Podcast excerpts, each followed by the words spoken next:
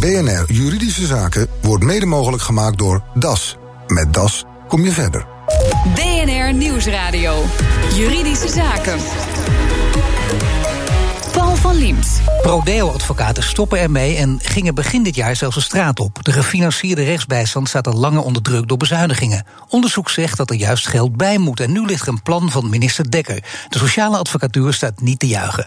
Mijn gasten vandaag, Karin van Lotteringen, bestuurslid van de Vereniging Sociale Advocatuur Nederland. Ja, Baar, voorzitter van de Nederlandse Vereniging voor Jonge Strafrechtadvocaten. En vanuit Den Haag, Maurits Barendrecht. Hij is hoogleraar privaatrecht aan de Tilburg University. En onderzoeksdirecteur van de Hague Institute for Of Law. Welkom alle drie. Ik begin met uh, Karin van Lotteringen, dat is eh, de Vereniging van Sociale Advocatuur. Nederland noemde de plannen van Dekker in, in september funest voor de rechtsbijstand, niet zo lang geleden. Uh, is zijn plan nog steeds funest? Ja, wij vinden aan de plannen niet zo heel veel veranderd. En we vinden ook dat in de brief die Dekker aan de Kamer heeft gestuurd... ook een aantal onwaarheden staan. Zo, zo. zeggen, want uh, eerst maar eens waarom het plan zo slecht is. Want, uh... Nou, het plan haalt uiteindelijk... Ehm, uh, baseert zich heel erg op dat er uh, sprake is van onvoldoende kwaliteit, dat het nu niet goed is, dat er veel procedures gevoerd worden. En wij zeggen dat klopt niet. Dat is niet waar dus? Nee. Oh, dus het plan is dus heel goed, er worden nauwelijks procedures gevoerd? Um, er worden zeker procedures gevoerd, maar er worden ook heel vaak wordt rechtsbijstand geleverd zonder procedures te voeren. Maar het betekent, kijk, als je zegt onwaar, het betekent dus dat je, dat je hele grote woorden gebruikt. En ook meteen hiermee zegt dat, dat de minister in zijn voorstel in zijn plan liegt. Nou, ik zeg niet zozeer leugens, maar ik zeg wel dat er uh, heel erg vanuit gegaan wordt dat advocaten met name procedures voeren. Dat doen we niet. Dat uh, gebeurt in bepaalde rechtsgebieden, maar dat gebeurt op, op veel rechtsgebieden, zoals huurrecht en arbeidsrecht, gebeurt dat helemaal niet. En wordt er ook onderhandeld, bemiddeld. Dat is ook een taak van een advocaat. Er staat bovendien in onze gedragsregels dat wij geacht worden de problemen in de minne op te lossen. Ja, dus, dus wat genuanceerde onwaarheid. Ja. Laten we het daar even op houden voorlopig tot de tegenspraak komt. ik ga eerst naar Jaap Baar nu. wordt het onaantrekkelijk voor, voor de Vereniging voor Jonge Strafrechtadvocaten om nieuwe aanwas te vinden? Of valt er nog wel mee? Nou, dat idee hebben we zeker wel. We hebben de afgelopen jaren wel het idee gehad dat de aanwas van jonge advocaten die puur en alleen in de gefinancierde rechtsbijstand werkzaam uh, is, terug, uh, teruggelopen is. En we zien het eigenlijk ook, uh, de Raad voor Rechtsbijstand heeft nog niet zo lang geleden de zogenaamde monitor gefinancierde rechtsbijstand uitgebracht. Ja. waaruit blijkt dat er minder advocaten in het stelsel werken en dat er ook sprake is van een grote vergrijzing. maar weten jullie ook waarom? Wat de reden is dat er minder advocaten zich aanmelden, minder jonge advocaten? Nou, we hebben toch wel sterk het idee dat de bezuinigingen van de de afgelopen jaren daar, uh, daar debet aan zijn. Dat als je nu uit de studiebanken komt met een uh, rechtenstudie op zak, dat de verschillen uh, met de verdiensten in de niet-sociale advocatuur en de commerciële advocatuur, laat ik het maar zo zeggen, die waren sowieso al groot.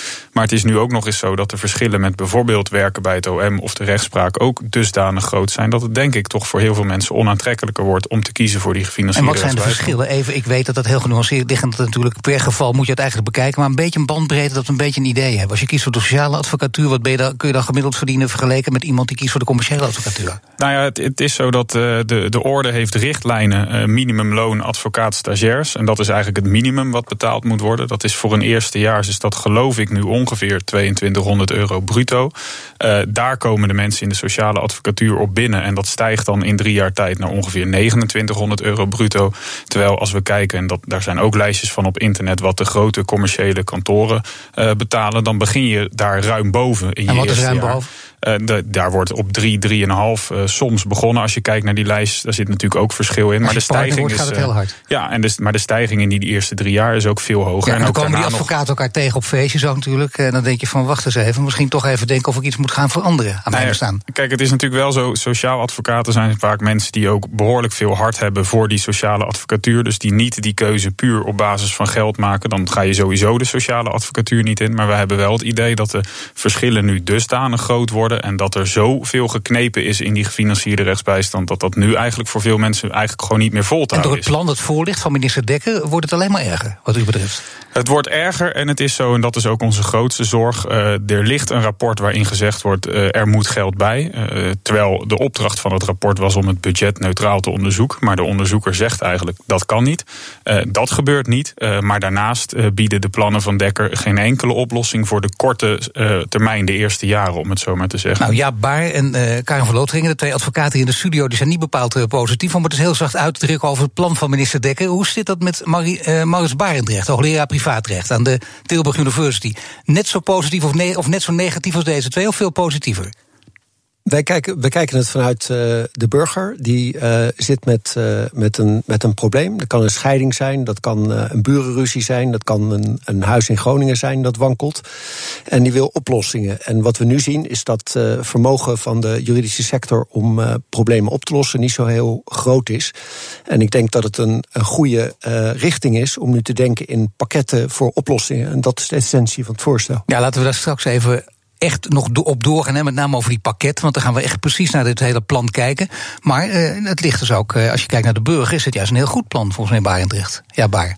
Ja, dat, dat zie ik niet zo. Ik sta hier natuurlijk vooral uh, namens het strafrecht, om het zo maar te zeggen. Ik zie daar ook, en het nadeel is, die plannen zijn nog niet heel erg uitgewerkt. Dus het is ook moeilijk om te zien wat de minister precies wil. Maar wat die pakketten in, in het strafrecht zouden moeten betekenen, weet ik niet. Het is in het strafrecht uiteraard het OM, de overheid, die dagvaart. En dus ook het OM die bepaalt of er wel of niet een procedure komt. Maar lijkt het nu op, op een heel constructief plan of lijkt het juist op een bezuinigingsplan?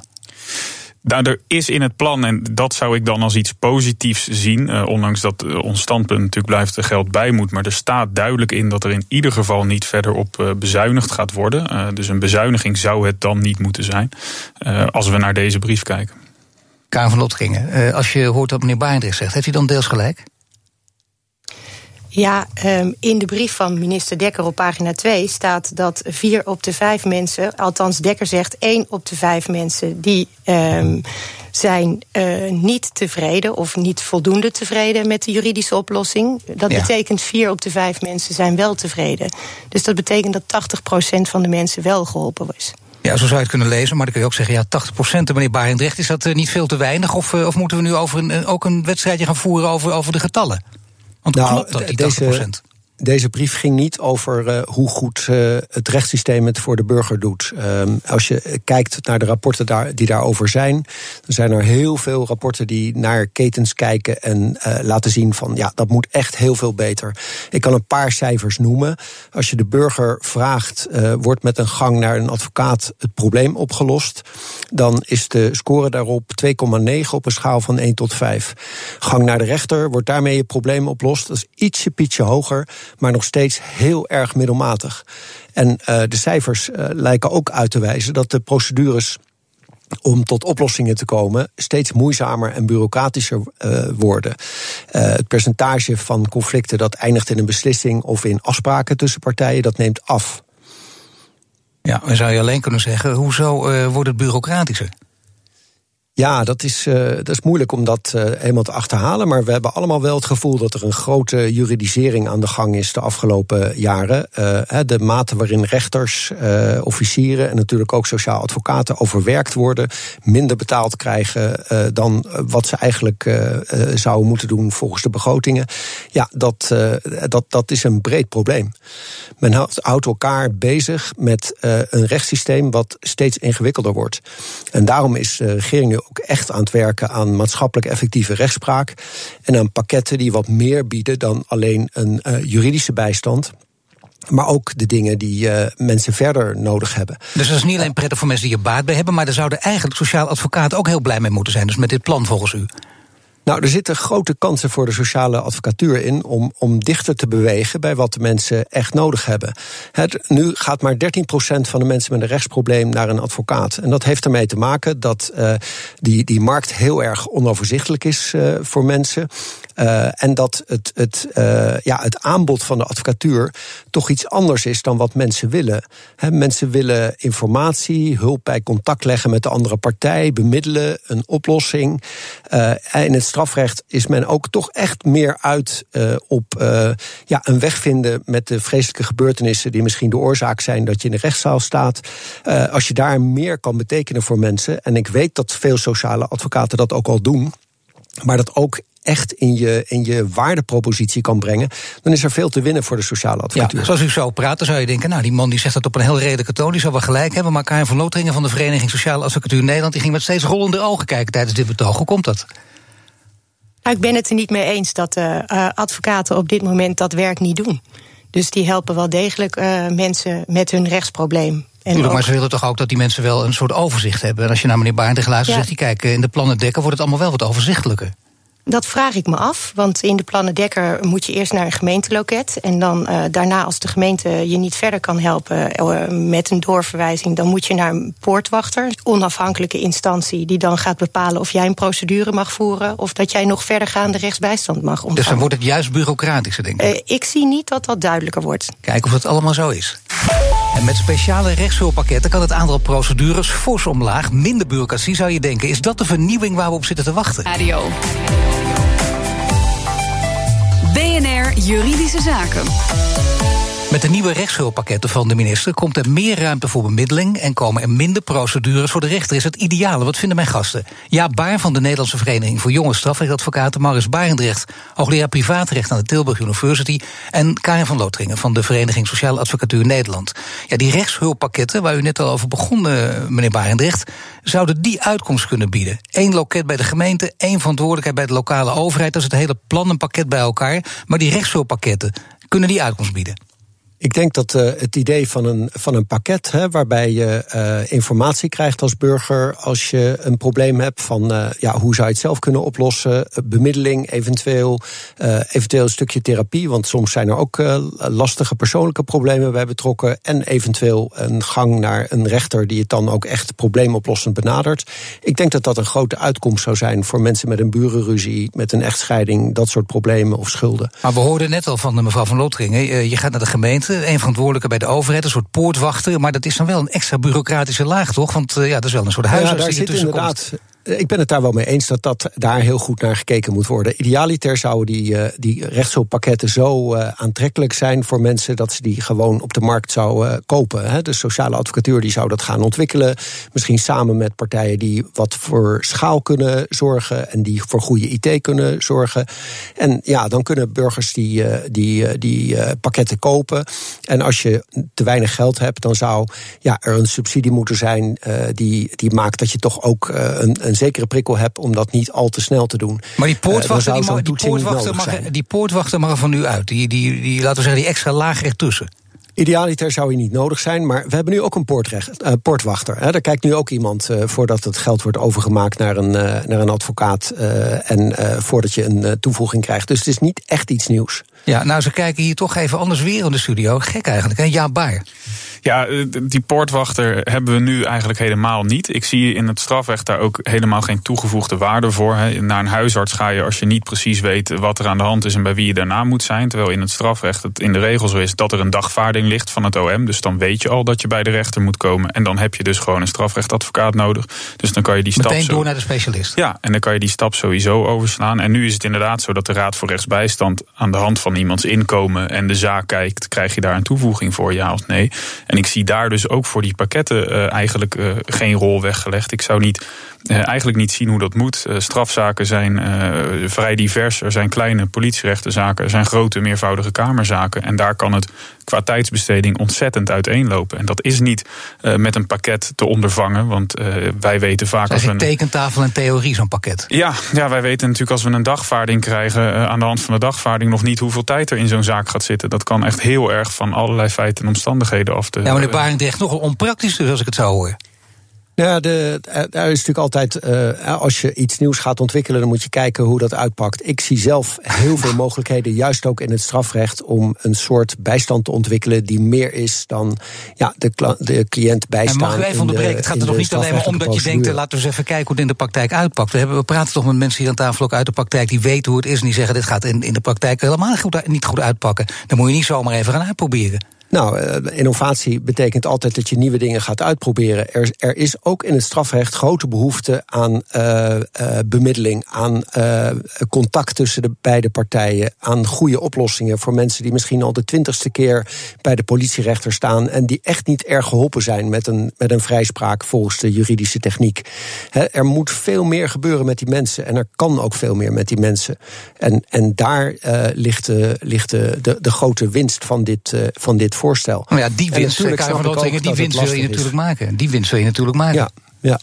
Of niet? En ik snap ook dat, uh, dat uh, om, om daar te komen vanuit waar de advocatuur nu zit, uh, met toch beloning die in belangrijke mate nog op uurtarief is, ook in de strafzaken, ja, dat dat een omschakeling vergt. En ik vind ook dat de minister veel meer moet doen om dat te faciliteren en om daar een gezamenlijk uh, ontwikkeltraject op ja, te zetten. Ja, nu mevrouw van Lotringen. Ja, ik wil daarover zeggen, de beloning op dit moment in ieder geval in de gefinancierde rechtsbijstand is niet echt op uurtarief. Er worden wel uren gerekend, een vast aantal uren.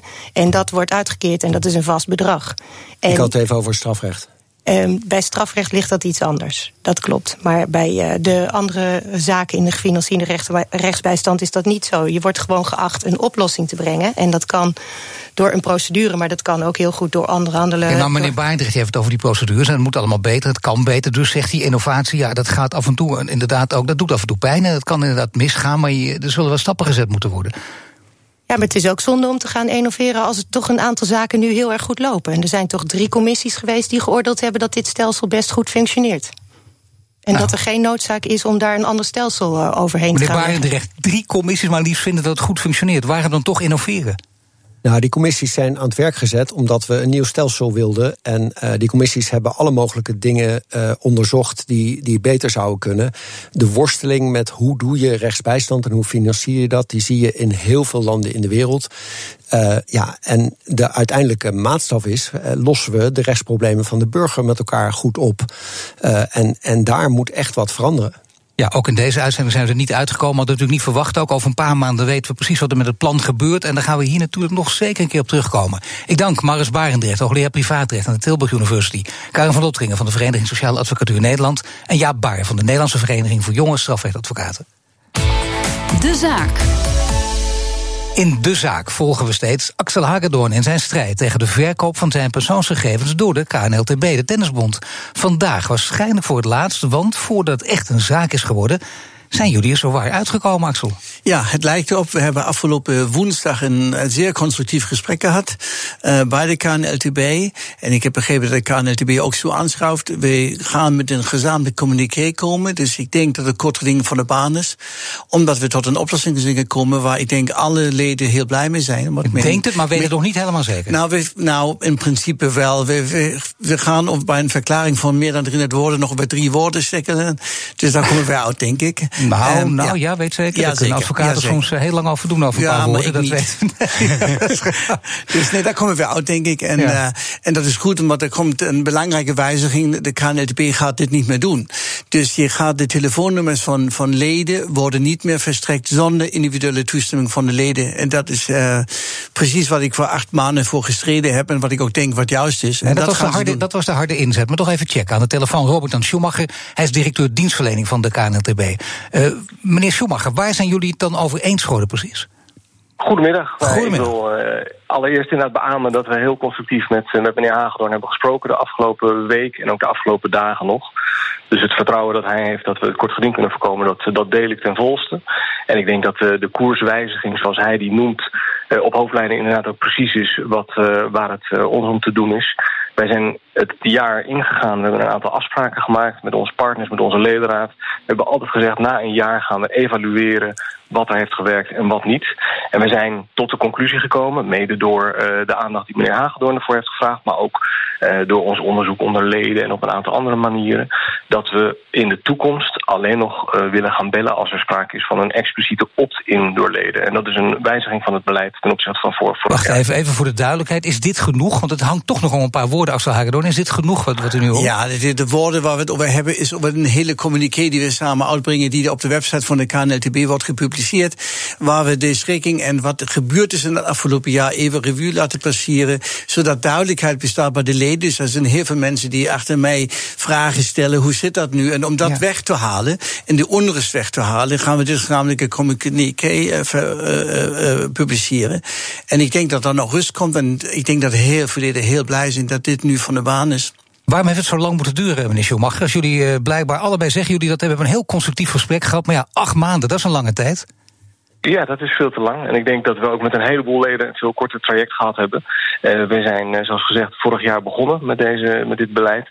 En we hebben ons enorm ingespannen om door middel van heel duidelijke en transparante communicatie onze leden daarover te informeren. Zo hebben we meneer Hagendoorn ook weten te bereiken. Uh, alleen vervolgens is er in de communicatie iets misgegaan tussen ons en meneer Hagendoorn. We hebben hem een aantal keer uh, wel kunnen beantwoorden. Hij heeft ons een aantal vragen gesteld die we konden beantwoorden.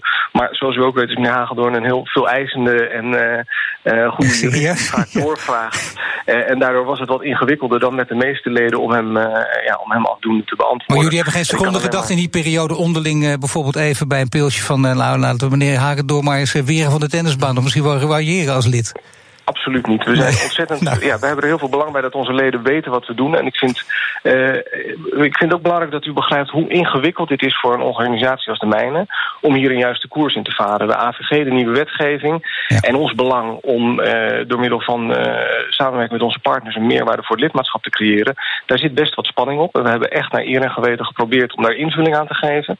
En ik denk dat de kritiek van meneer Hagendoorn, maar ook van andere leden, de vragen die we krijgen, ons daar alleen maar bij heeft geholpen om daar een hele scherpe koers in te varen. En ik ben blij dat we die op deze manier in een beleidswijziging hebben kunnen vastleggen. Is het ook lastig voor zo'n organisatie, meneer Hakendoorn? Ja, natuurlijk is het dat. En ik had het graag willen voorkomen, maar ik moest toch wel 20 pagina's uh, aan, aan dagvattingen uitbrengen. Ja, en dat heeft te maken met slechte communicatie, want die is meestal toch uh, ja, met de heer Hakendoorn lukt dat wel. Als duidelijk was gezegd, daar gaan we mee stoppen, was het prima geweest. En ik ben blij nu, en daarom hoeven we het verleden niet meer te hebben. Dus het, het komt nu, en dat is veel belangrijker. Daar gaat het om, hè? Hoe heet het in tennistermen? Game set en match, hè? voor allebei. ja. Toch? Laten we het hopen. Ja, laten we het hopen. Ja, hangt er nog iets eh, in de lucht dat het niet doorgaat, meneer nee, Schumacher? Nee, helemaal niet. Maar ik nee, denk vooral, dit is een, een doorlopend proces waar mijn organisatie Zeker. ook na dit, uh, dit dossier nog mee door moet gaan.